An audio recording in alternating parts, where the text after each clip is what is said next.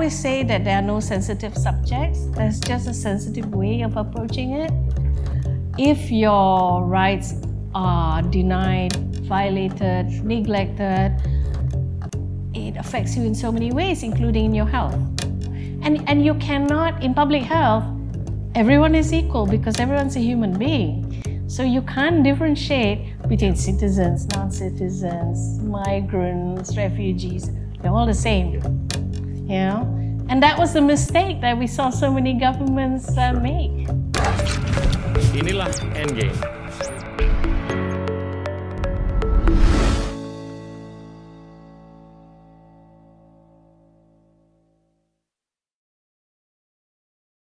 Halo teman-teman, hari ini kita kedatangan Marina Mahathir, seorang penulis, kolumnis, dan aktivis. Marina, thank you so much Oh, for coming pleasure. Thank onto you for having me. And you know, before we talk about some of the more deep stuff, uh, let's let's hear from you how you grew up, where you were born, and how you ended up, you know, doing what you're doing right now. Well, I grew up uh, in a small town. I grew up in Alor Star, uh, up north in the state of Kedah, uh, which is my father's hometown. And uh, we had a very simple, I guess, middle class um, life there. My parents were both doctors. Um, my dad was in private practice. He set up the first uh, Malay owned clinic there, Maha Clinic. And my mom was in government service. She was in the hospital and then later on went into public health. And uh, we grew up in government quarters in a nice little enclave uh, with a big garden and um, neighbors, all civil servants. Right. And uh, it was an idyllic uh, childhood in many, many ways. And I went to a convent school uh, which taught in English. And it was very rare for Malay parents to send their daughters to a convent school because of the fear of being converted. Uh, but it's always been a, a good school, very high standards, and you know you can spot convent girls everywhere because of the way we speak. You know, English is usually good and and we're very disciplined and that sort of thing. So, yeah, so I was there until I was about 15, until I went off to boarding school in Negeri Sembilan, uh, an all girls boarding school, a very elite one called Tunku Kurshiah College. Um, supposedly for smart girls. So I'm not sure how I got in You're there. very smart. and then after that, went off to England to do my A levels and university. So yeah.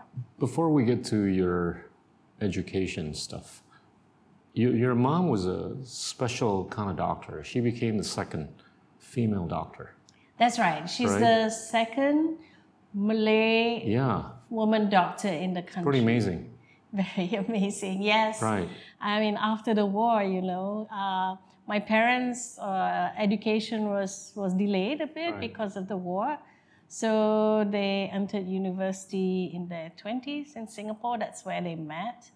And they did medicine. And my mom was kind of interesting because she was one of only, I think, three three women or something in, in the class. Yeah. And the fact that her, her parents let her go all the way to Singapore to study medicine uh, was quite quite something. She's the youngest daughter Right. out of three daughters and it's pretty daring. seven. Yeah, Very very, daring. very. But she had decided early on that uh, she wanted to be a doctor. If Hmm. she couldn't be a journalist, she wanted to be a doctor. Really? So she would have wanted to be a journalist. She yeah, she loves to write. Actually, I mean, that's both where my you got it. parents love to write. But then she saw her mom had been ill, and so she thought, no, I think I want to be someone who, who helps people, Right. and went off to do medicine, which is lucky for us, right? because that's where she met dad, and um, and you know, medicine is Lucky her or lucky him? uh, well, both ways, I Okay. think. Um, and you know, medicine is a six-year course, Right. and um, she failed her first year and had to repeat it, and failed her last year and had to repeat it. So my mom is that sort of, you know, very diligent, patient, hardworking person. You know, once she set herself on a course, she'll do her best until she gets it, regardless of how long it takes. Who, who would have been a bigger influence on you, mom or dad? Um, it's hard to say because um, my dad obviously is quite a dominant personality in the family. Um, especially, you know, he, he went into politics and started to become known and things like that. But my mom was always there and she's very steady influence, although she was very naggy. And so I thought she was evil. Uh, when when we were young, you know, she'd go after us with if we didn't do our homework or we didn't study Okay. for exams. So I remember that I would never tell her that the school exams were coming up until the eve of them, because whatever it was, I needed her her best wishes for it. So I wouldn't tell her so that she wouldn't push me to study. Um, but I needed her to say good luck. you know? so, um, so yeah, that was the way she was. But I must say that she got so fed up with me not doing so well in in school, primary school, you know, standard one, Right. first year, that she decided to take matters in hand and she'd sit me down and tutor me on all the subjects. And I'd cry and cry and thought she was cruel and everything. cry, cry, cry, cry. And then when the results came out, I came out first in class. Well done. So she polished Well my done. brain, you know. Well done. Well done. Now, Yeah. you know, both were doctors, are Yeah. doctors. None of the kids. no. You know, it's it's pretty eerie because my dad was a doctor. Ah, yeah. None of the kids wanted to be a doctor. It's it's it's a bit similar, but I want to hear your your side of the story. Well, my parents were pretty liberal in that they let us do what we wanted. All they wanted was for us to finish school, which means until the end of university. After that, you can do what you want. Right. I remember there was a singer, uh, singer and actress who came from our hometown. And when she first emerged, all the biographies said that she had finished university. And my dad said, There you are. She finished university, and after that, she can do what she wants. And that was, you know, uh, the philosophy in our house. And so none of us really exhibited any interest in wanting to do medicine, you know, especially when it was Why? I don't know. Actually, we were never pushed, and we.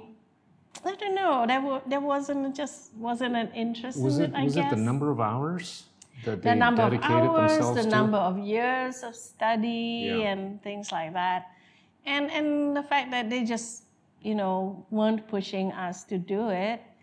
Um, and so in the end, we all did different things, right? But I must say that my mom has occasionally like sighed whenever she talks about her friends, her former classmates were doctor and doctor, and then all their five kids are doctors. You know, it's like, but you know, we need var- variety in the conversation, Sure, and sure. that was my excuse anyway. But in the end, I came closest to it when I was doing my AIDS work because I had to talk to doctors, I had to understand Right. medicine and, and everything. Yeah. So, I know you talked about that in your book and Yeah. let's let's go there later, but I want to peel the onion a little bit more on how you grew up, right? You spent some time in California. then you went to university in the UK. Was that by design to open your mind up you know, Oh. as widely as possible? I, I think so, definitely. Okay. You know, in 1971, we hosted an American student Right. under this exchange program, uh, American Field Service program. We hosted her for a summer in our house in Alor Star. Right. And she was from California. And uh, we became very close. We're still friends to Yeah. this day. Um, and our parents became friends. And they found that they had a lot in common. see. So I think in that relationship, in that conversation, my parents decided that it would be a good idea to do our own private exchange sort of thing and send me off to stay with them. Right. And so that was deliberate. I mean, whoever thinks of that, you know, sending a 16 year old girl from I know. I know. all the way to California. I mean, it was like sending someone to the moon, right? Um, but I, it, it was, I think, deliberate for me to see more of the world. Right. Although my dad sat me down before I went and, you know, said, we are like this and they are like that, and please remember your roots and da da da, you know, that usual talk. And I went, yeah, yeah, yeah. And, um, and then uh, I went off for, for three months and, Right. and had a great time. And when I came back, my dad says that I totally changed. and now he says he regrets it. He shouldn't have sent me because I became this, you know, talky, talk back girl. You know, oh, what do you expect? You know, you really can't expect to send a child off and have it have no impact on her. But but it's pretty gutsy of him and your mom too. Yes, yes, right? definitely. To to send you yes, as but my you parents being the be- daughter, right? Yeah, but my parents believe in travel. I Okay. think they Yeah, I they know. Yeah, they went off on a big European Sure. trip when we were little. Not to mention the Antarctica. Huh? Not to yeah, mention the Antarctica later. Yes. That was daring. And yeah, and he's been to so many countries. Yeah. And um, and he just loves it. He loves, you know, seeing the world, seeing the way other people live, and you know, taking notes. His his little notebook, all these things, you know, whether it's nice lampposts or nice food, whatever, you know. So yeah, so yeah, it, it was deliberate. And then later on, to go to the UK to study. Uh, my brother had gone. My younger brother had gone before Right. us uh, on a scholarship uh, because the government was the government at the time was sending a lot of Malaysian students to the UK, uh, mostly to do A levels, but they wanted to experiment with O levels, and for O levels because they are younger, they can't be left on their own. They had to go to a boarding school, so they, I guess they tested a lot of boys at the time, I think, around the country and and selected four who all came from the same school and same class. And one of them was my brother. And when they got offered, my dad said no. Because he didn't believe that we should take scholarships from the government. It should go to people who needed it more. I think it was a matter of pride to him. This would have been after your dad joined politics or before? Uh, yeah, this would have been like the early 70s. okay. He just joined politics. Yeah. He, no, actually, well, he took a break. he, no, yeah, yeah, that was when he was, you know, out in, he was in hibernation for yes, three years. yes, kind of hibernation, yeah. Huh. So he didn't, he didn't want it. My brother cried and cried and cried and cried, and then Ah, finally, okay. Got it. um, my dad agreed. Although I'm always suspicious whether he really agreed or he worked out a deal like, okay, you pretend you're giving him the scholarship, but it's actually from me, you know, something like that. Um, so off my brother went, and I went uh, later uh, to do my A levels, and that was partly because again, you know, we, we were sending a lot of students, and a lot of my friends were all going off Right. Australia, UK, everywhere. And, and I guess he thought, oh, I, I don't want to have another weepy child at home, and uh, I'll send her off. And, um, and he did everything himself. He, he found my school from a magazine ad you know, and um, and then sent me off, and then that was that was it. So yeah, It turned out okay. I, I think so. Yeah. I- he might have still some reservations, but yeah, I think so. What, what got you hooked with writing? I've always always written. Okay. It, it's uh, my favorite subject was English in school, and I always did best in that. I particularly love the essay writing parts of it. And I used to write all sorts of little stories and things like that. So it's always been something um, I did, but never thought of making something big out of it. To me, it was like eating, you know, Right. because it was just writing. And, and then the thing was that I went into the science stream. You know, we get divided into arts Sure. and science. And I went into the science stream um, because I qualified and it was seen as more prestigious.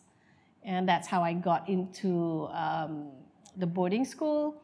And so that side of me got kind of neglected. So, you know, I, I really felt it when I went later on to the UK because I had very little idea of literature Yeah. or anything because I never did it. Um, and so I guess that side of me got dampened for quite a while. Yeah. I mean, I still wrote, but I was writing nonfiction. So the, the more literary side of me was never, never developed uh, for years, which is why I always feel a bit shy when I'm talking to real writers and things, you know, because I feel like I, I'm, I'm not really off the same ilk and all that. But You're I humble. Huh, no. but I always wanted to get back to it, and I always, always, you know, kept talking about "Oh, I want to go and do a writing course and this and that. And finally, my husband got fed up and said, "Okay, for your for your birthday, for your 60th birthday, I'll, you know, I'll I'll pay for you to go and do a course." And he meant a, a month or three months. know, I and know, signed man. up for a one-year I master's. know. That's amazing. yeah, yeah, yeah, yeah. And I You got, got your through. master's in the 60s. Yes, yes. That's And I'm graduating in It's, it's, about a it's week's time. inspirational to a lot of people out there. Never to give up, right?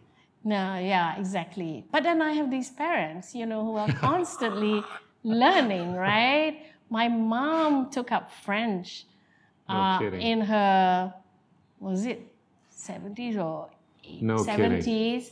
Because at that time I was going to have a a French mother in law Yeah. who didn't speak English. Yeah. So my mom thought, well, you know, how do I speak to her? So she took, and as always, she she took it very seriously and took exams and and everything and had a graduation ceremony and She fluent now? I wouldn't say so. I But she mean, gets she's by. shy. She can get she's by, okay. She used to. Um, her eyes are not good now, but when they were better, she used to message me in French, and then I'd have to reply in French, and my written French is really terrible. So She plays the piano too. she I've plays the her. piano. She plays the violin. The violin she took up in her eighties. Um, and and the other day she played in, uh, in a concert with a ninety-seven piece orchestra. Oh my gosh. I don't know. Oh I, my I, I really. Does I that put re- pressure on you? Or more inspiration? I guess I mean I don't know. It's it is inspiring. I mean I admire most of all her courage. Yeah. You know, it takes a lot of courage to. I mean, she gets nervous as anything, um, and it's not perfect. I mean, Right. it does get a bit squeaky, uh, but um, I mean, she's going to be ninety six. You know, know, your dad, who does 97. that? Who does that? you know? yeah. Okay, I, I wanna I wanna deep dive into your writing experience as a columnist. Right? And I wanna try to weave that into your book, The Apple and the Tree, right? Yeah. Talk talk about that. I mean, when you were a columnist, I know you've you've shared your views on this. Uh, for the most part, your dad was running the country. Yeah. How tough was it to stay independent? Not really tough. Um, I I wrote the column for the Star every Right. two weeks, and they gave me carte blanche. I could write about anything, Right. and and so I did whatever I thought about whatever was happening. Okay. uh, women's rights or health or anything. And I didn't, I didn't uh, have in my head what would that think, Yeah. because I think that would stop me from truly uh, saying what I wanted to say. I had more trouble from my editors Okay. than anyone because Okay. the Star is owned by a political party that was in the government and they are a bit more scared. And I said, you know, it's up to you, you know. Um, but I must say that in all the years, and, and I, I wrote the column for almost 30 years, I think, or still 30 years, um, they have censored me very, very few times. So most of the time, That's they good. just let me do what I wanted. But I think I know how to write in a way that doesn't um, doesn't I mean treads the line. I think I get my point across, but I think I mean I always say that there are no sensitive subjects. There's just a sensitive way of approaching it. Okay. So that's the way I write, and and that's that's kind of worked, and um, and uh, people read. I mean, I started off, of course, in the pre-internet age, Which helps. which helps a great deal, absolutely. And um, I would get one or two, you know, angry letters. Right. But most of the time, I'd be walking around, people come up to me and said, you know, I love that column, that totally spoke to me, it resonated with me, and, and all that. And I didn't write it to uh, put across the view of, you know, a lot of people. I just put across mine. And if it happened to resonate with people, that's my good luck, I think. Yeah. Was, was there ever a sentence or a word that made it difficult for you to have a conversation with your mom and dad? Well, Or actually, even a paragraph? Well, actually, you know, people are always asking me, what does your dad think? What does your dad think? And how can you say that? It's so different, you know, from what the government is doing. Number one, I, I never, never attacked him personally. I mean, he's the government. So Right. if I if I criticize, I criticize the government. So it's the whole of government. okay. Um, number two, I realized when I was doing my first book, and my publisher had this idea like, why didn't you get your dad to do the foreword? You know, mostly to sell the book, right? Anything with his name sells, anything with his face sells. Um, and so I asked him, he said, okay, but can you send me some samples of your columns so I know what you're writing? Sure. And I'm like, like, what? You don't read me?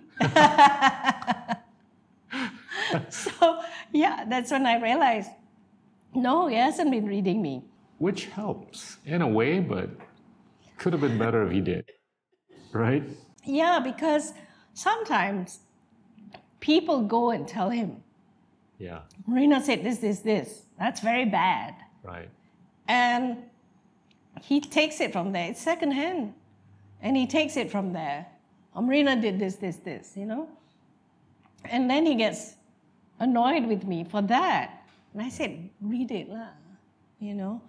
And um, the one time I, he did get concerned uh, was when I talked about a politician, a major politician who had been accused of, well, I think she was underage, so it might be statutory rape um, of this young girl. And it, had become um, a, a big cause celebrity, a big scandal.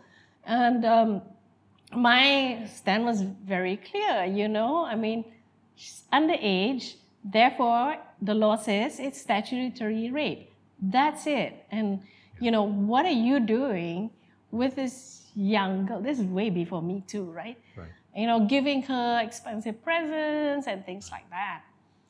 Um, but of course, he was in the same party as my dad.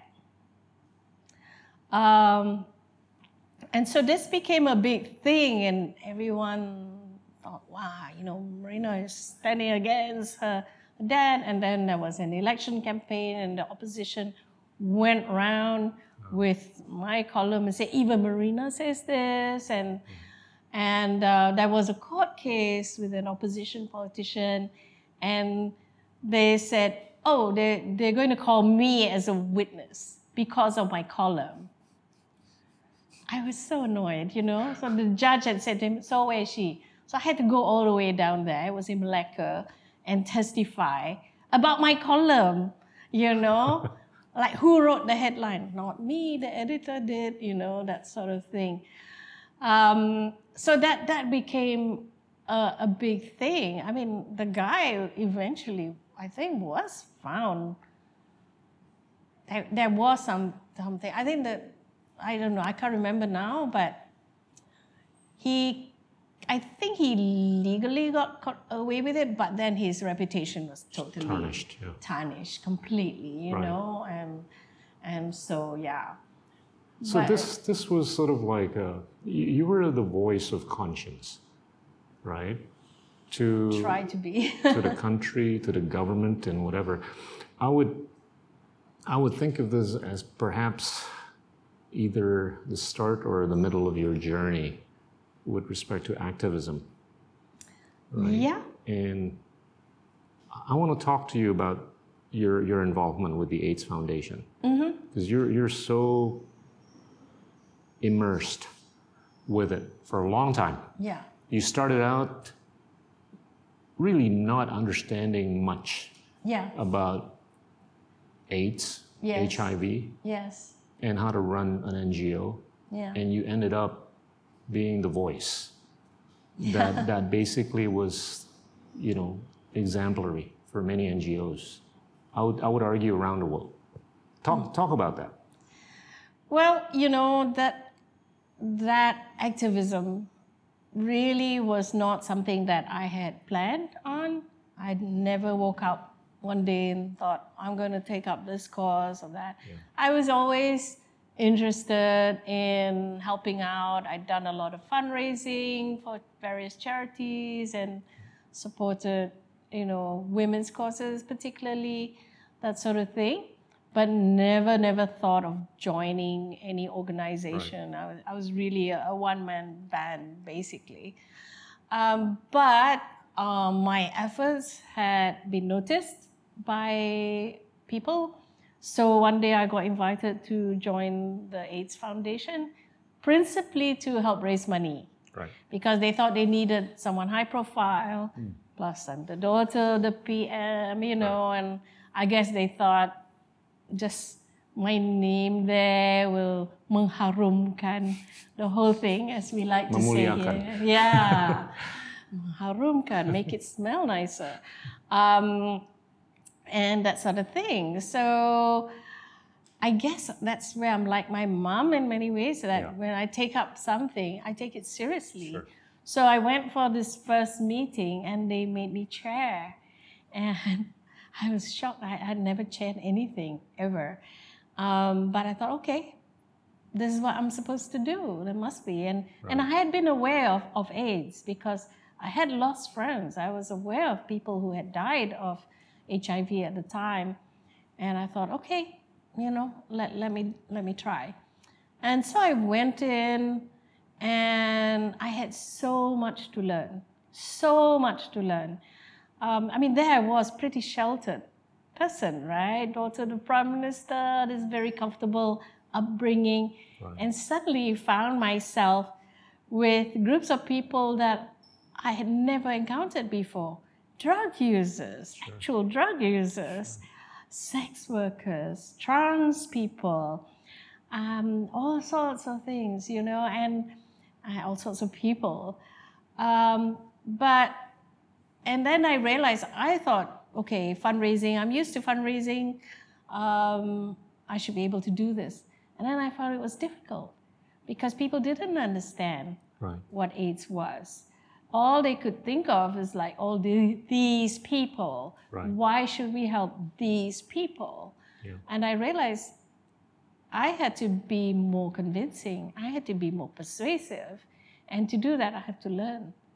And so I, I started talking to the people who could help me, whether they were doctors or NGO workers, but most of all, the people most affected, Right. The people on the street, the drug users. You know, what, what was it that made you vulnerable to this disease? And that's how I learned. And then I realized, well, they can't talk for themselves. It's so difficult. And um, I have to do it for them until they're ready. At the same time, I'm Yeah. going to push them um, to, to do it themselves because it has to come from them, not from me. I'm just a conduit. And that's how it that's how it went. And I always say I'm eternally grateful to AIDS because I grew so much Right. as a person in those 12 Yeah. years. I had so much exposure to the realities of the world, really, the inequalities, particularly Sure. all these different groups of people. I got to travel the world. I got to better my Malay Yeah. because I had Yeah. to communicate. The important Sure. thing was to communicate. Sure. And if I had to do it in English, I do it in English. I had to do it in Malay, I had to do it in Malay. And um, The grassroots, a lot of them were involved. yes, absolutely. You know, they, Yeah. they, they don't understand English. They don't understand what is acquired immune deficiency syndrome. Right. Um, so I had to pick up the vocabulary and train myself, and and I think by the end, I could quite confidently speak, you know, off the cuff in, in Malay and in English if I needed to. Yeah. Um, so yeah, um, that's that's how it went, and mostly I became aware of human rights and how important that was, and Right. how if your rights are denied, violated, neglected, it affects you in so many ways, including in your health. I mean, the most influential person for me was this guy called Dr. Jonathan Mann, who I heard speak in an AIDS conference, who was who made the link between health and human rights. That basically Wow. your health is affected by how much your rights are Sure. respected, Sure. right? And he was my hero and everything. And I always dreamed of, he was at Harvard actually. Um, at the School of Health and Human Rights. And I wanted to go and sit at his feet and study with him and all that. And I met him once in uh, Geneva at an international AIDS conference. And I didn't get to really speak to him. We were on the same panel, but I we were at a dinner with so many people, and I thought, I have time. I'll, I'll, I'll now that he knows my face, you know, I'll, I'll contact him and we'll talk another time. That was in July. And in September, he was in the Swissair flight that crashed, Ouch. going from New York to Geneva, him and his wife. Ouch.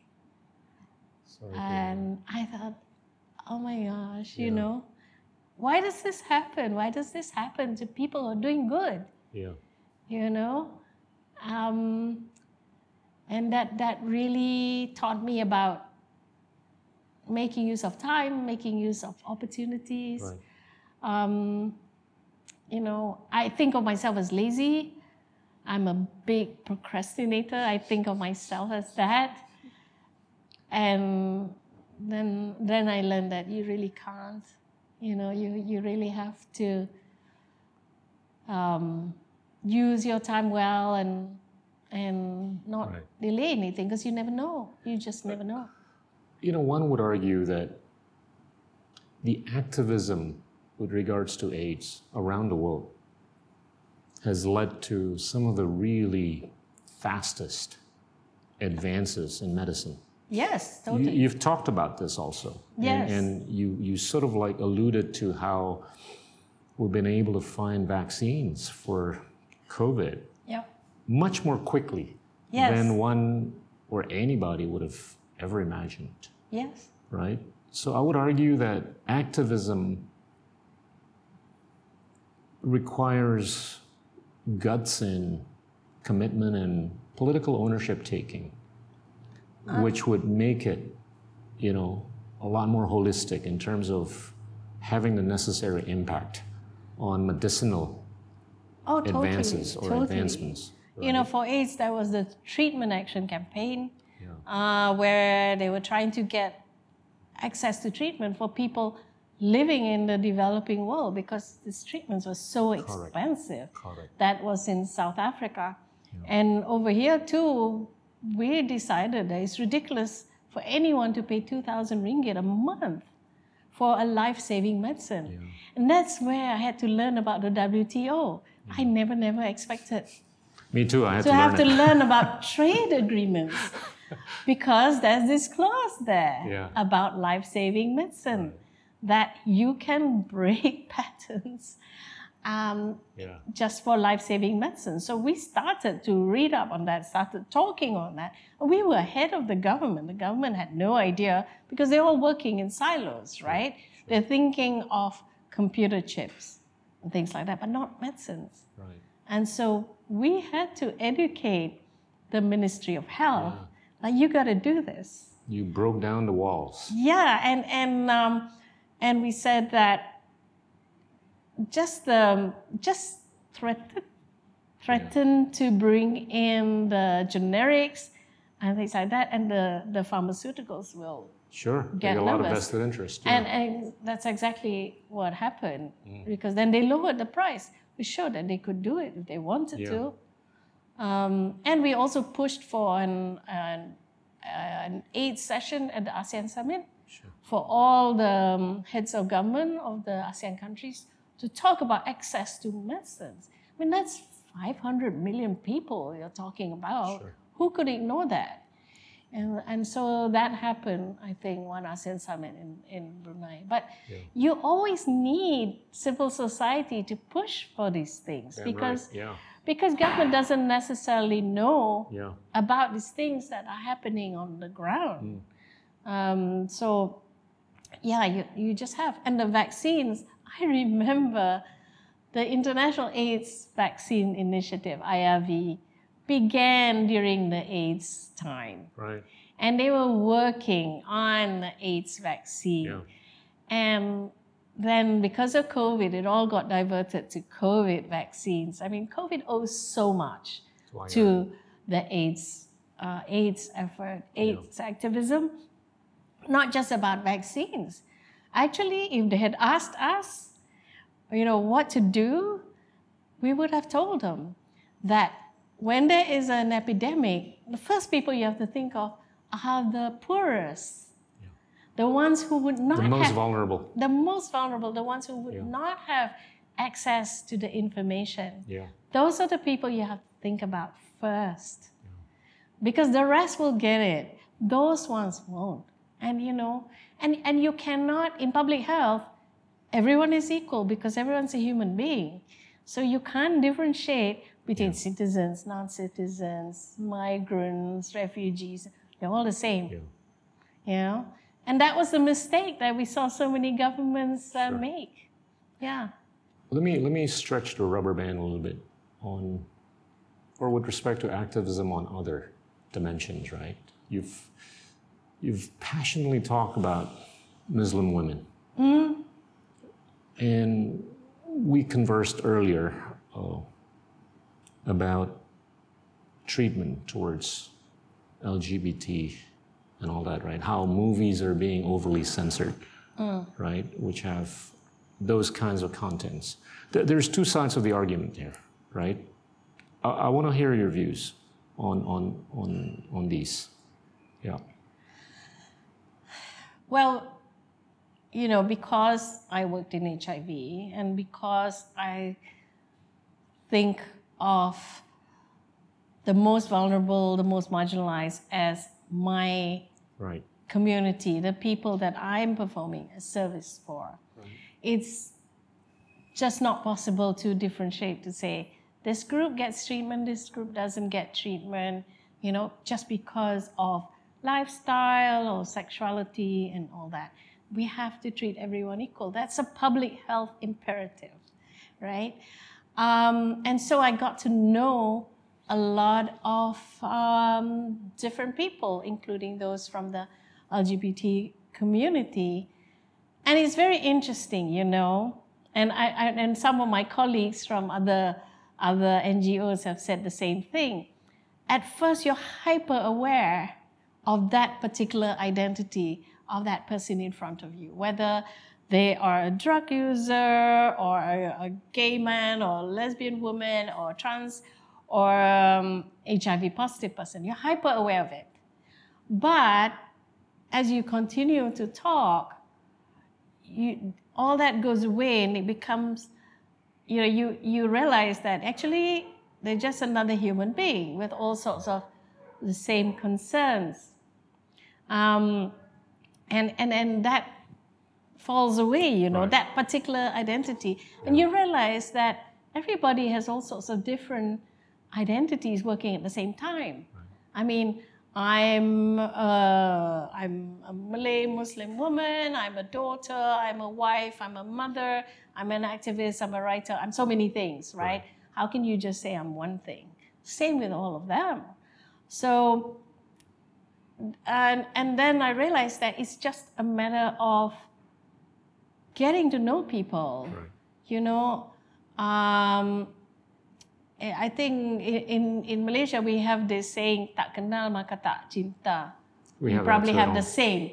So, you know, a lot of the anti-LGBT rhetoric and all that comes from people who really don't know anyone. It's it's a lot of it's like racism, right? You're you're most racist about people you don't know actually, right? You make exceptions Yeah. for your friends. Presupposition or predisposition, right? exactly biases and prejudices and and um, and that kind of cured me of any prejudice I might have. I treat everyone as human beings, but I do realize there are lots of barriers for them to be seen as human beings. Some Right. of it is legal.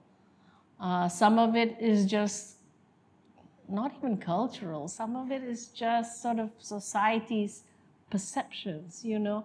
I mean, the LGBT community has been with us thousands of years. And actually, we used to be much more um, open about them, particularly about trans people. I mean, you know, I used to see even in kampungs, you know, weddings, the makeup person is always a trans person or something like that, right? No big deal.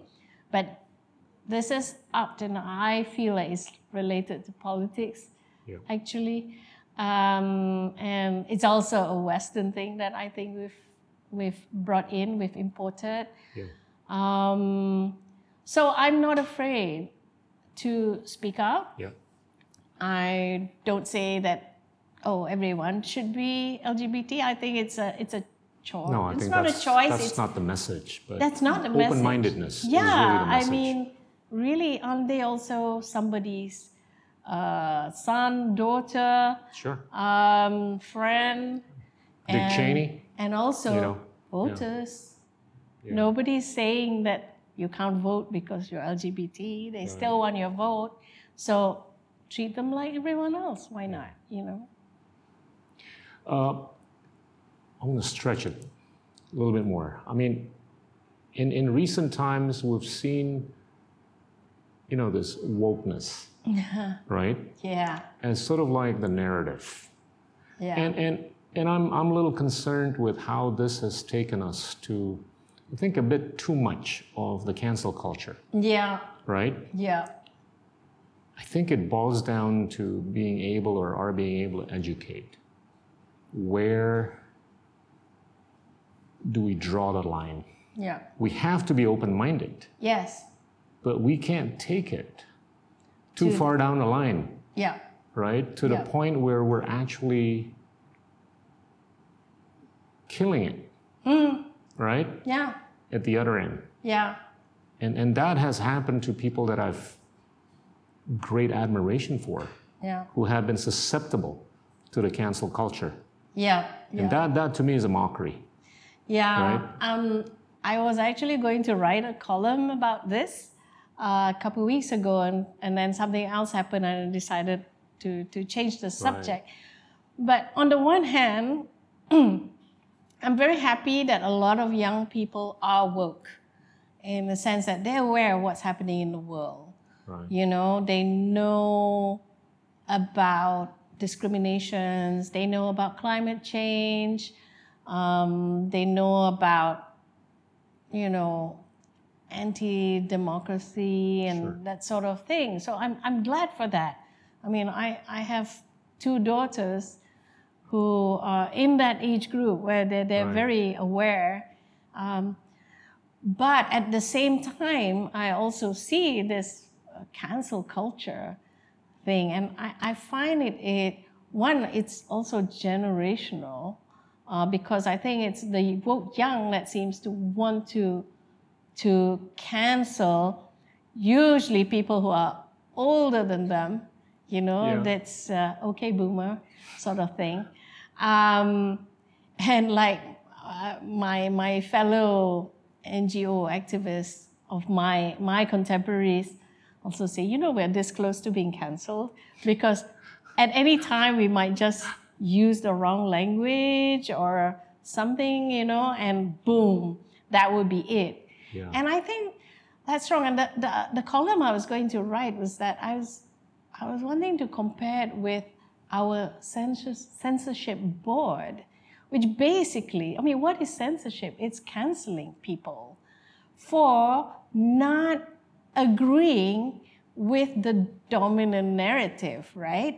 In this country. Yeah. They might be talking about opposite things, Yeah. but what's the difference between canceling someone and censoring someone? It's the same thing. Cuts both ways. Yeah, I do make an exception uh, for people who are advocating violence, obviously. Sure. Sure. And for people who have been proven to have been violent, Right. you know, the Weinsteins and, Yeah. Yeah. and people like that. No, that's way over the top. No, I wasn't thinking of those. that's not what Yeah. we're thinking of. But I, I have read, I mean, here it hasn't happened mean, so much. you but know, human rights is about having the rights or right to be human. yes. And being human is being able to be human, meaning you evolve. Yeah. And, and for you to get canceled for something you said 20 years ago, Yeah.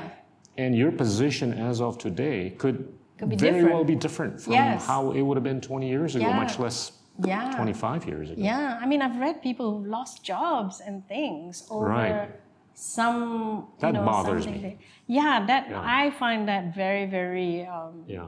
yeah, bothering as well. And here it hasn't quite happened to that level. I think Right. partly because Oh, everyone is yeah. everyone is basically unwoke, and the people they cancel is anyone who's woke. Um, so people like like me and my colleagues. be in- careful in, with what you say. my colleagues in in, um, in Sisters in Islam. Yeah. We, we are we are saying the wrong things according to the dominant narrative. So Right. there are constant, constant efforts to cancel us. Yeah. Yeah, with fatwas and legal cases, etc., sure. etc. Um, so we haven't had that same sort like you read about in America or Right. in in the UK. But there is a little trend I notice among young people Hmm. who, even if you're associated with someone who they don't approve of, you too get cancelled. And I find that worrying. Like, what on what basis is that? I mean, you know, you deprive someone of sometimes an income or opportunities because they happen to be friends with someone. That I don't get. I really Yeah. don't get. So yeah, it's it's it's it's you know something that needs to be talked out and, and in a safe environment. Let's let's weave through your book. Your dad was prime minister for 22 years, Yeah. first time, right? And he was the non-lawyer. His predecessors were lawyers, and he always makes a big point about it, right? Yeah. You know, I'm the non-lawyer. Mm-hmm. And you spent very less time, very much less time with him throughout the 22 years.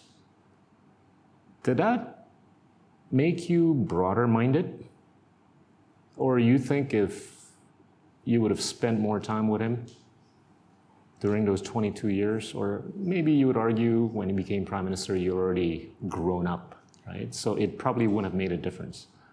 Well, I was grown up. Yeah. You know, 24, uh, when he was 25, yeah, right? Yeah. thereabouts. You know, and a lot of people think that I grew up as the prime minister's daughter, and I definitely didn't because I was a, a full-grown adult Right. by the time he became one. Um, I think we were brought up broad-minded anyway. Okay. You know, so we had that foundation, the foundation of values and principles, but also, you know, the ability to to see the larger world. Right. But obviously, because I went overseas to study and things like that, um, I was exposed to a lot of different things that my parents weren't, you know, that generation. weren't. I, I think we see it across the board, right? Post war generation, and then their children, you're quite different. Um, I, I mean, I understood when he was busy Yeah. as, as PM. Yeah. Um, so I don't know whether spending more time with him was good or bad. I think actually it was good that I didn't have too much time with him so I could develop my own identity.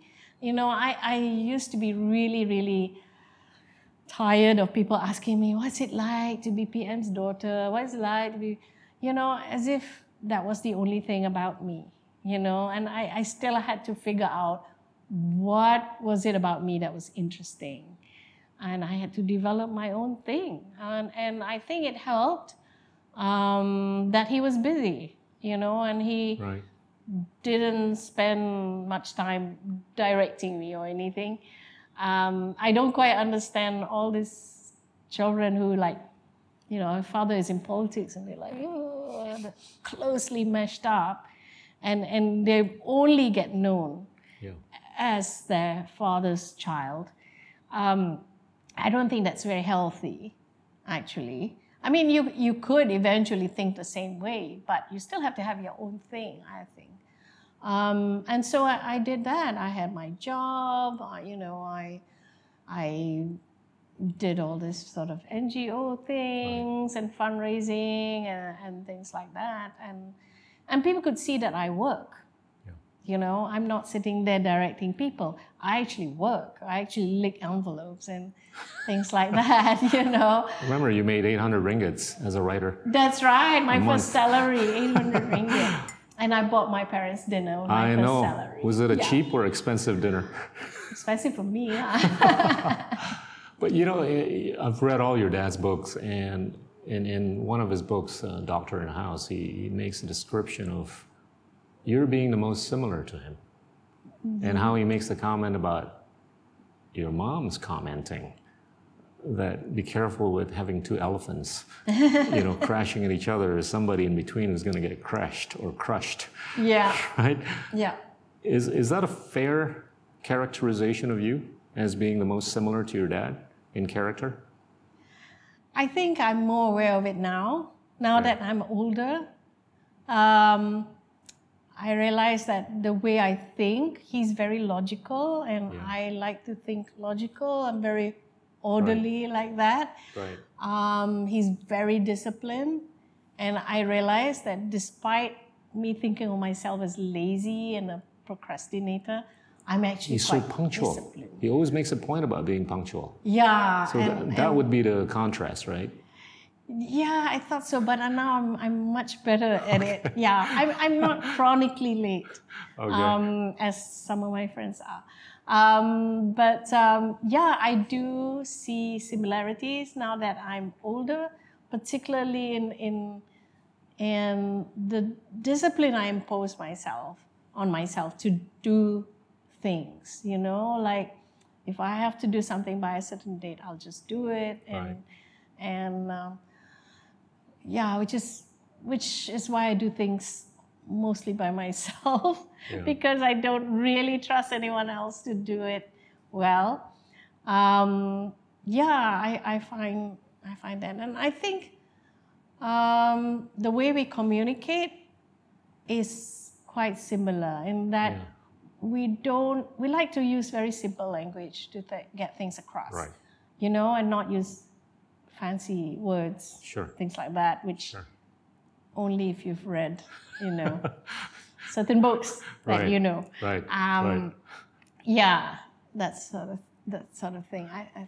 I want to ask you, uh, when when he was around leading the country for 22 years, I, I want to seek your wisdom on, with the benefit of hindsight, of course, whether or not he could have done things differently or better.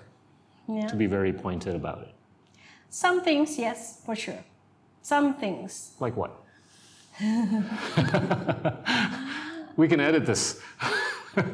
I think he went some way towards curbing, uh, let's say, undemocratic bodies in this country, Right. bodies that we are in our culture and that we inherited, and that was kind of a compromise and independence that we had to have them. Um, he tried to curb them that you know Parliament is supreme and and not and um, I think he, the wish list is that he he could have gone further, which is why we're seeing now a resurgence um, of Yeah, I mean, I'll, I'll say this. I mean, I personally have watched him ever since I was that little with great admiration. And I'm not unique. You know, there's, there's a bunch of us, not just in my country, but many others. Yeah I mean, what he did is pretty amazing to take Malaysia from where it was 22 years before to where he left off in 2003. It's pretty amazing, man. Yeah. I mean, I, I think there are still areas that he could have done. I mean, you know, as you as you know, running a country is not easy. Correct. There are 10 million things that need your attention, right? So you kind of have to prioritize. Um, but I think that, that those two main things, that was one. The other one was I used to say to him that, you know, this growing religious involvement in politics Right. is not good. You know, I said, look, um, pass the.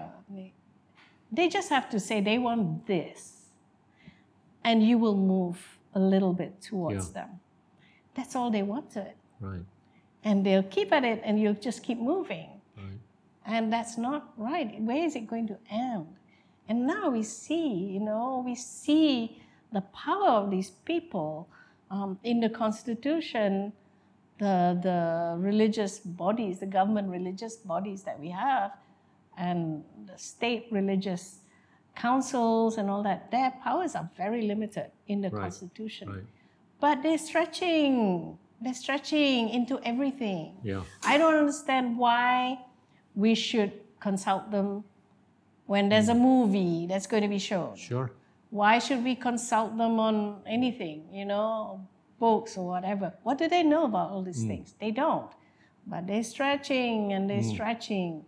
And and that's why there are some things that just can't move, you know. Um, women's rights, for instance, Right. you know, particularly Muslim women's rights. Yeah. It's ridiculous that non-Muslim women in this country have more rights than Muslim women. Hmm. Muslim women are in the majority. We're the only country that I can think of right now that works against the majority. Hmm. It's really weird, you know. Hmm. Um, but there you are, you know. And I think one of the things that that uh, he didn't do, and I think he didn't understand um, the situation, is this thing in the constitution that Malaysian women can't pass their citizenship to their children if they're born abroad. And now there's a big fight, um, and the government and the courts agreed that in the Constitution they have that right that fathers e- is equal to mothers as well. It's it's wrong to discriminate, you know. Yeah. But the government is appealing against it. It's unbelievable. It's unbelievable. In 2001, we amended the Constitution to prohibit discrimination on the basis of gender. Along, along with other things that were already there, we inserted gender. 2001. And now the Attorney General's chambers is arguing that that was invalid. So you mean you're proud of saying that you want to discriminate against women? I mean, this 2022. I don't know if you're following what's happening in the US with respect to Roe versus Wade. Yeah, That's also a reversal of something that would have been pre existing for decades, right? yeah. But I want to push on this. How or to what degree do you think this is correlated with the role of social media? I've, I've been I've been quite vocal on this, but you know, vocal in the sense that they've they've equated algorithmic amplifications mm. with democracy. Mm. Right? And, Yeah. and what's not fair about it is that the amplification is more with respect to algorithms of, or with respect to narratives that are ugly. Yeah, yeah, Whereas the narratives that are less ugly, if not not ugly, are not being amplified at all. exactly, exactly. How, to what extent do you think this is correlated with that in terms of how ideas have gotten so polarized in the last few years or decades? Totally. I mean, on the one hand, you can say social media is democracy, right? Because everyone gets information. But Yeah. then you just talking to echo chambers a lot of the time, and Correct. you're, you're, I mean, what gets passed around? The worst, worst sort of things, Yeah. right? Not anything good. And I don't know how to stop it, you know? It, it's really, take Roe versus Wade. I was reading an article about how TikTok was instrumental in in forming the Gen Z views on, on Roe versus Wade on both sides. And, you know, it's a constant Yeah. battle. And, and you know, it, it's, I, I don't, you're right. I don't think that actual facts get out there. Right. Um, and, and, you know, I mean, you worked in a newspaper with readership of maybe in the millions or the hundreds of thousands, mm. but that had to be editorialized. Whereas things that are viewed by the billions no, are exactly. not being editorialized, right? Yeah. And we've seen so many 140 instances where garbages Yes. are being forwarded Yeah, over our totally. WhatsApp or TikTok or whatever, Totally. right? Take COVID, for Yeah. example. Yeah. I, I call WhatsApp the, the university of WhatsApp. Yeah. Because suddenly people pass around things and they all think they're experts. They all become doctors. Right. Right? From all the rubbish that Yeah. gets passed around on chat groups. Yeah. And how do you, I know, I- think I have a built in skeptical button. So when I see something funny, I will actually take the time to go and research like where does this Sure. come from. Sure. And I, I realize that not many people have that. No. And, and so they just swallow it. Yeah. They just swallow it. And you know what's interesting? I, I find that people are so undiscerning that if it's the right language, they don't realize what's behind it. Right. You know, I remember um, my Muslim friends passing on a thing about complaining about how there's no more religion in schools and everything's secular and and you know you know there's there's uh, kids are turning into I don't know atheists and things like that. They're passing it around like oh look at this you know da da da da. But I looked at it and I thought, this is familiar language. And so I did some digging. Sure enough, it comes from the American evangelical movement. And they're complaining about the lack of Christianity. They're not talking about Islam, for God's sake, you Yeah. know.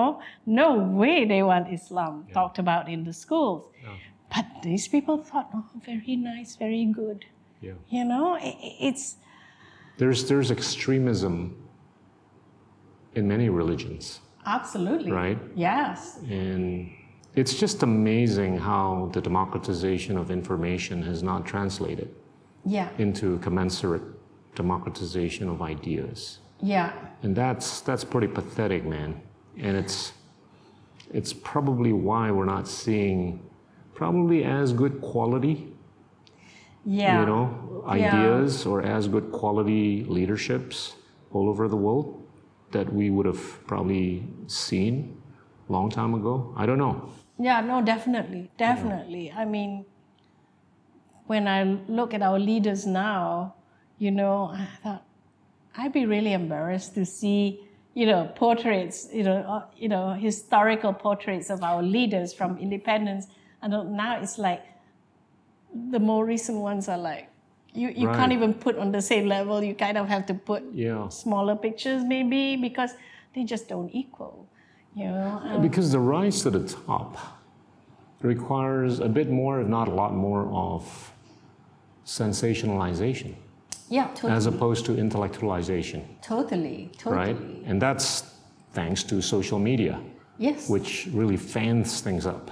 yeah, I mean, and and now you know phones are cheap, so everyone has them. Yeah. And I mean, on the one hand, social media also is good for holding people accountable. Yeah. You know, um, we've had these floods and things, and people posting videos and saying this is what is really happening. Sure. That's not what they say is is happening. Yeah. and and all sorts of things. But on the other hand, I guess it depends on who you follow too, and who you Yeah. follow. I'm not going to follow all the nonsense, right? Yeah. I'm going to be discerning. But but you're different from probably the most.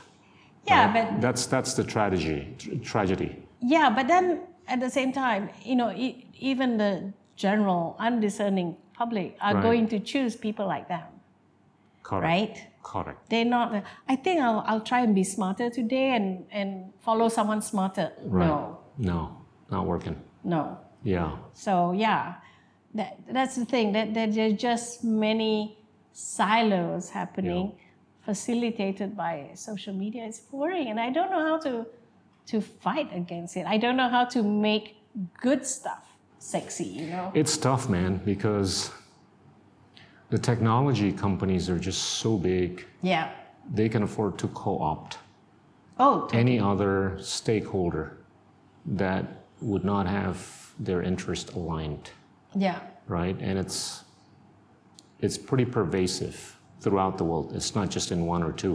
no And and it's affected, you know, democracies and non-democracies, which Yes. is why we're seeing this paradox where in a number of democracies we're not seeing a true democratization of talent, no exactly right? The selection of talent is based more on patronage and loyalty in a democracy as opposed to meritocracy. yes Vice versa, or conversely, in an autocracy, talent has been selected a lot more based on merit, yes right?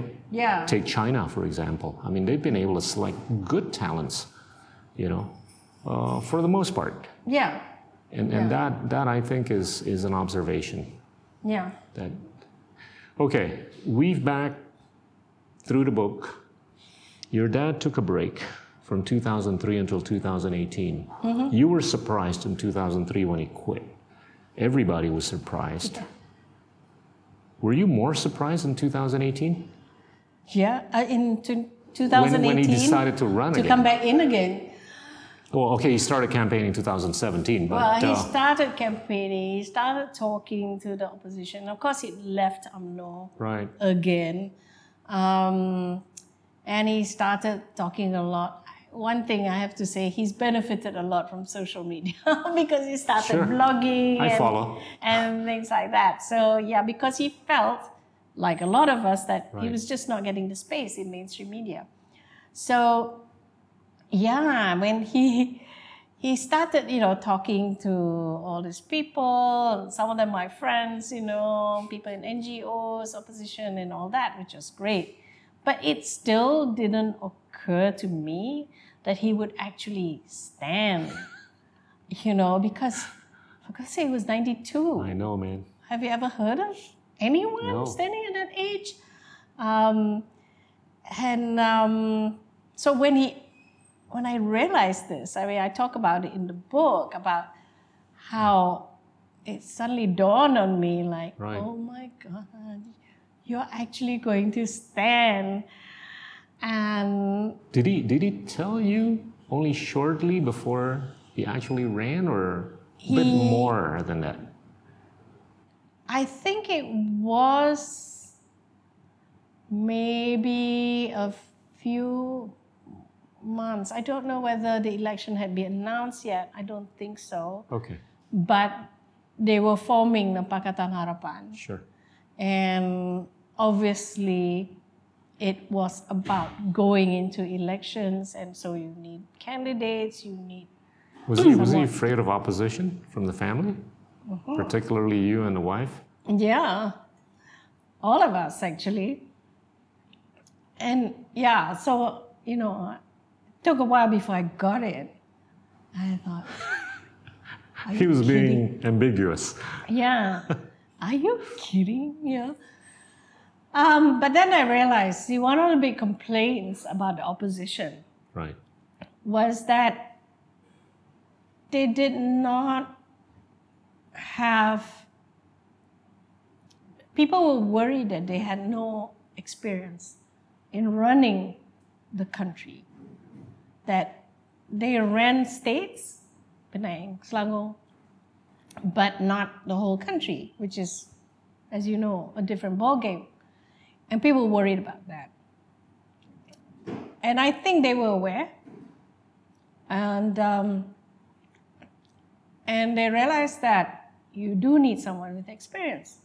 And who has the experience? My dad right? So i guess they were moving towards naming him as the pm candidate.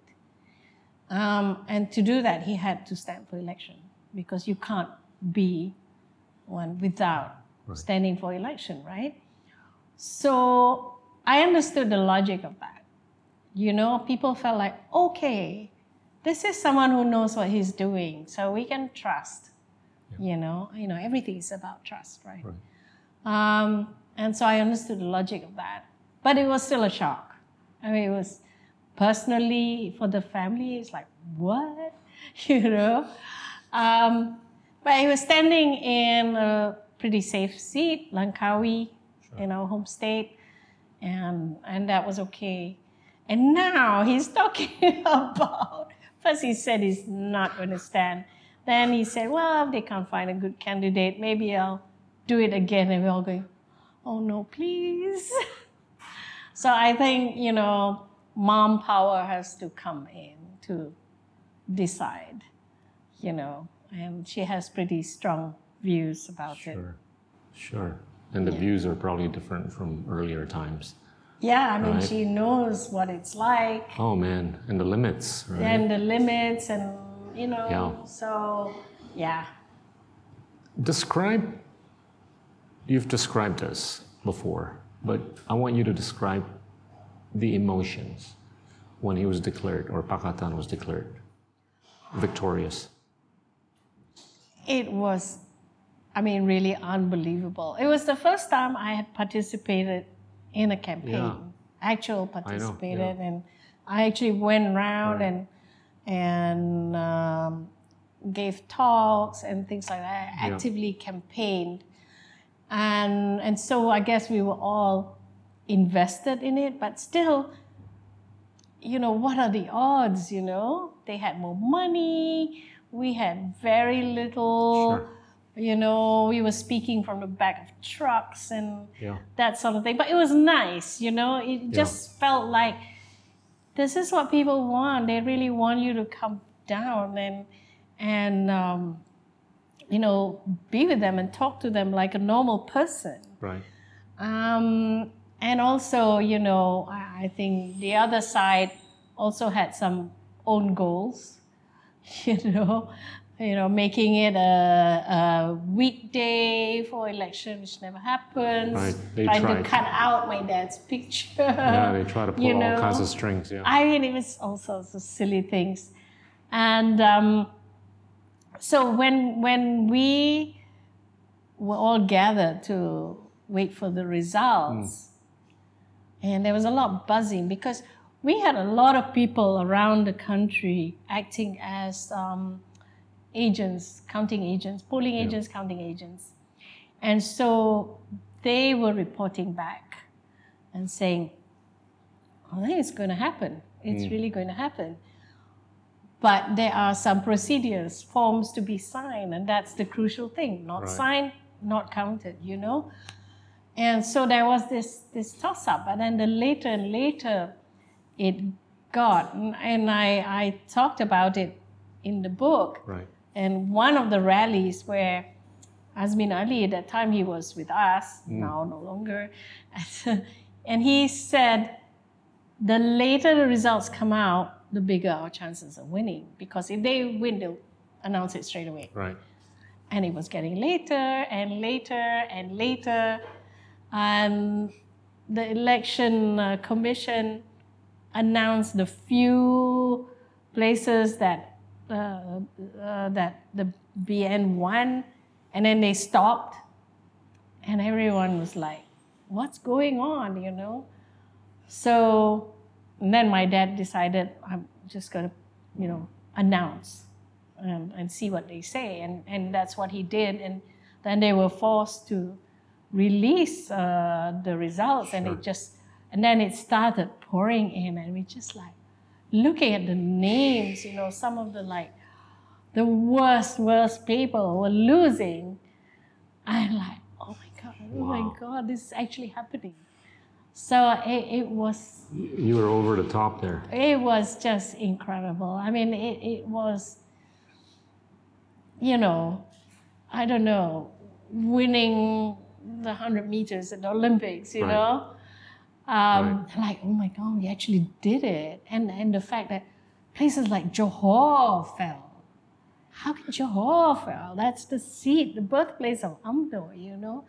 And all these things. So it really reflected the feelings of the public, how fed up they were. Was it uh, more of a all. because or despite Sorry? Despite. the victory? The victory. Despite your dad or because of your dad? I think because Yeah. I, I would definitely, you know, Yeah. because I think without him, people were unsure and they felt insecure. Like, because I think Malaysians, Breath of fresh air. yeah, well, it's 97. Well, relatively 92. speaking. right? But you know, I mean, for some people, like, what we got him again. But I, I think Malaysians are quite uh, pragmatic. Right. They are going to vote for the party that's going to be able to fulfill promises a lot of time. So, which is why in the East Coast, where Pakatan was quite weak, they just wiped out. They were Yeah. just wiped out because they know uh, you're weak. You're not going to be able to do anything. But in the rest, they thought, okay, with my dad there, and there's this whole thing, and we really, really are fed up with Right. with the current government. Yeah, let's let's give them a chance. And that was it. I mean, the feeling, the feeling the Man. next day, you know, Can imagine. like I say in the book, the, the Yeah. sun shone brighter, the air Clear was sky. clearer. Ah, it was unbelievable. People Yeah. walked around with Stars a were aligned. Yeah. you know. And of course, it all got upended two years Yeah, later. I want to get there. Uh, you you you dedicated a chapter on the wedding and the betrayal, right? I was just curious why the two were in wine. Was it because of a contrast between one happy moment and one unhappy moment? I guess because that was February 2020. And there were so many things happening at the same Right. time. That's why the chapter is called The Wedding, the Virus, and the Coup, I think it's called. Because, you know, there was this wedding that we had planned. Um, it was the first big wedding we've had in the family. My Right. niece was getting married, and we were all excited about it and everything. And then there was this virus that was appearing. And then in the midst of all this was all this political thing. And it was so I just I just thought that isn't it weird? Isn't life weird? That you have this family thing happening at the same time you have this global thing happening at the same time you're having this national thing happening you can't choose how things happen Yeah. you can't direct life in Yeah. an orderly manner Right. It's pretty messed up, man. it was pretty messed up Yeah. i mean so yeah I, I, thought that that was my experience of it Mm. that you know having to be all this be aware of all these things happening at Yeah. the same time you know all these political machinations and then having to dress up and go to a wedding you know and um, and that everybody was there including the people who eventually Yeah. you know stabbed him in the back Right. you know so yeah You, you talked about how your dad was asked to sign a piece of paper, and then whether it's the same day or the next day, when you were with him, you just drank a cup of whatever, and he said, "You know, I made a blunder." Talk The about that. uh, which paper? He wrote. That was in that chapter of He yours. wrote the letter Yeah. of uh, saying that he was resigning. Correct. Letter to the king, Yeah. and I happened to be there as he was Yeah. writing it. Yeah. Yeah. And I, it- it is my regret uh, that I didn't stop him or made him consider Yeah. a bit more. I really didn't think. Stop I- short of that, right? That's Yeah, that's the I- blunder. I, I- think what yeah, what the book I, was referring because to. I um, but I was thinking of him personally Yeah. because um, when I saw it, you know, and I literally looked over his shoulder, um, and and I said, I, you know, I knew you're gonna do that, Yeah. and he looked like, you know, and I thought, oh gosh, I'm I'm not going to make him upset, and so I was thinking personally, you know, I really, really didn't think of the consequences, and I don't think he did either. I don't think he expected um, a whole bunch of Pakatan people to move out. You know, I guess he assumed I step down, next one comes up, next one is probably Anwar Ibrahim, right? Right. Right. That's the natural progression. Yeah. Um, but then there were all these, you know, moves. Azmin Ali. Okay, the Bersatu lot went, and I think numbers wise it was still okay. Um, and not all the Bersatu lot went, just Muhyiddin and his cohort left. But didn't expect Right. him, you know, this other lot to go, and that brought down the numbers, and then it meant the the, the government fell, right? And then there was this scramble about the numbers, you know, basically who has the numbers wins, right? And this whole scramble, and oh, it was terrible. It was really terrible, you know, like you suddenly didn't know who you could trust. You just didn't know Yeah. my friends, my friends turned. You know, and to me, that was the most Yeah. heartbreaking. You know, that you feel betrayed. Like, Yeah. how could you? Yeah. Yeah. Okay. I'm gonna I'm gonna try to end this with a couple of sort of rapid fire questions, right? Uh-huh. What what does it take for you to be happy? What does it take for me to yeah, be what, happy? what does happiness mean to you or for you? For me, it's time with uh, my family, basically. You know, um, it's hard to to be a mother to adult children, and all my children are adults now, and they have their own thing. Now I'm sympathetic to my parents, um, and you know, my youngest is far away, and and it's you know you, you feel like oh I wish I'd done better and made them closer and want to come home and you know that sort of thing. So being with them and talking to them is what makes me happiest, I think. And not having meetings and things to do, but I, I don't think I can do that. I'm like my dad in that way, like always thinking of something to do. Okay. What, you know, to, to those out there who are aspiring to be an activist, what message do you have for them? I think the main message is that you have to actually believe in the cause to do it right. You really have to. Right. Because if you're just doing it because it's a job, um, it's not going to be enough.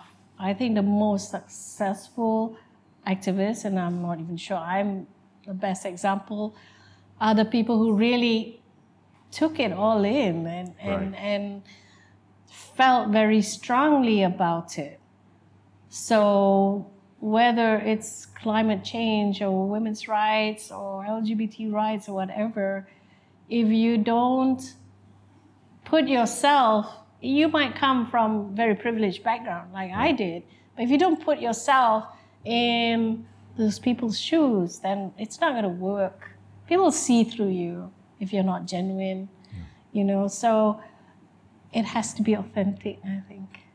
You, you, you mentioned climate change. Do you sense that there is enough activism already? Uh, and, and let me try to not dramatize, but put this in a, in a pragmatic context, right? Greta has a followership of maybe 17 to 20 million people on Instagram. Amazing, yeah. Kylie Jenner has a followership of close to 200 million. Yeah, One decarbonizes, the other one carbonizes. right. I mean, generally speaking. Doesn't that speak of the pulse yeah, out there, yeah, right? I know. So, what, what would it take for activism with regards to climate change as more and more people to take ownership with what's really existentially crucial for particularly the younger generation? I think we need to do better at showing how it actually affects them. You know, um, it's not something that's far away. It's happening right now. Like we've had this terrible, terrible floods, um, and we need to make it real. I think the trouble with things like Instagram is that it's a particular format, and you have to be able to express yourself in a particular format, Right. right? And not too wordy, more visuals, Right. things like that. And, and that's something that we have to learn. The young are pretty good at it. Yeah. And I think that if we can find, you know, a Greta type around here who can speak about it Right. on Instagram and on TikTok, Right.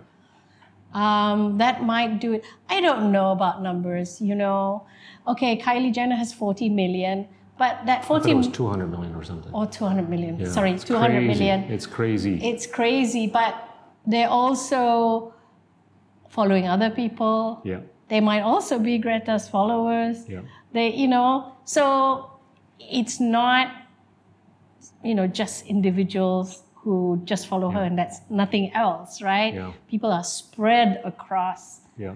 um, different different people, so they're getting lots of different inputs. So I don't know whether we should use those numbers Yeah. as as a real indicator Okay. of influence. But, you but you do sense there could be more, if not a lot more, activism, right? With regards Of course, to climate change. of change. course, in this country, Yeah. yes, uh, for sure. You know, um, the trouble is you need the space Correct. to be able to express yourself. Yeah. And social media is well and good, but you still need um, something that spreads Yeah. even broader out in the public space. And, and that's what my group is fighting for, really. Yeah. You know, the, the space to, to put our views across. Yeah. Uh, you don't have to agree with it, but you should at least listen to it so I you agree. get a well rounded Yeah. view of things, right? Um, but you know, there are forces that are trying to shut us down all the time because they think their narrative is the only Sure. one Sure. that should come out. Yeah. Yeah. Um, Last question, Marina. And this will, I think, complete the circle with respect to your book. Your advice on people out there who want to write. What, what does it take to be a good writer? it just takes writing. Okay? you just i you know when people ask me that i say a book that's in your head is not a book Yeah. you know a lot of people write books in their head including me Yeah. but it's only a book if you write it down and you have to read a lot read a lot read a lot and write a lot i don't always follow my own advice Yeah. um, I write every day, actually. I write in my journal every day, but I'm not writing the sort of things that will become a book. I need a bit more discipline to do that. But it's true. It's, it's like a muscle memory in a way. The more you do, the better you get at it. Yeah. I mean, I don't think everyone needs to go and do a master's like I did there are lots of online courses there are lots of tips you can get from everywhere Yeah. um, but the main thing is write You know, I got this uh, tip from, from a good buddy of mine. When you write, try not to write ahead of other people's intelligence. Is that, Yeah. Is that the right way to put it for you? yeah that's a point there i mean you don't want to be seen to be talking down to people Yeah, because nobody will read it right. um, you also don't want to pitch it too low so that you think that people are stupid Correct. Um, i think write as yourself Yeah, is the best thing I agree. just write as you are as the way you would normally say things yeah Wow. that was the apple in the tree, plus a few other things. yes Thank you so much. You're very welcome. Thank you. Thank you. Teman-teman, itulah Marina Mahathir, novelis, penulis, aktivis, dan kolumnis. Terima kasih banyak. Inilah Endgame.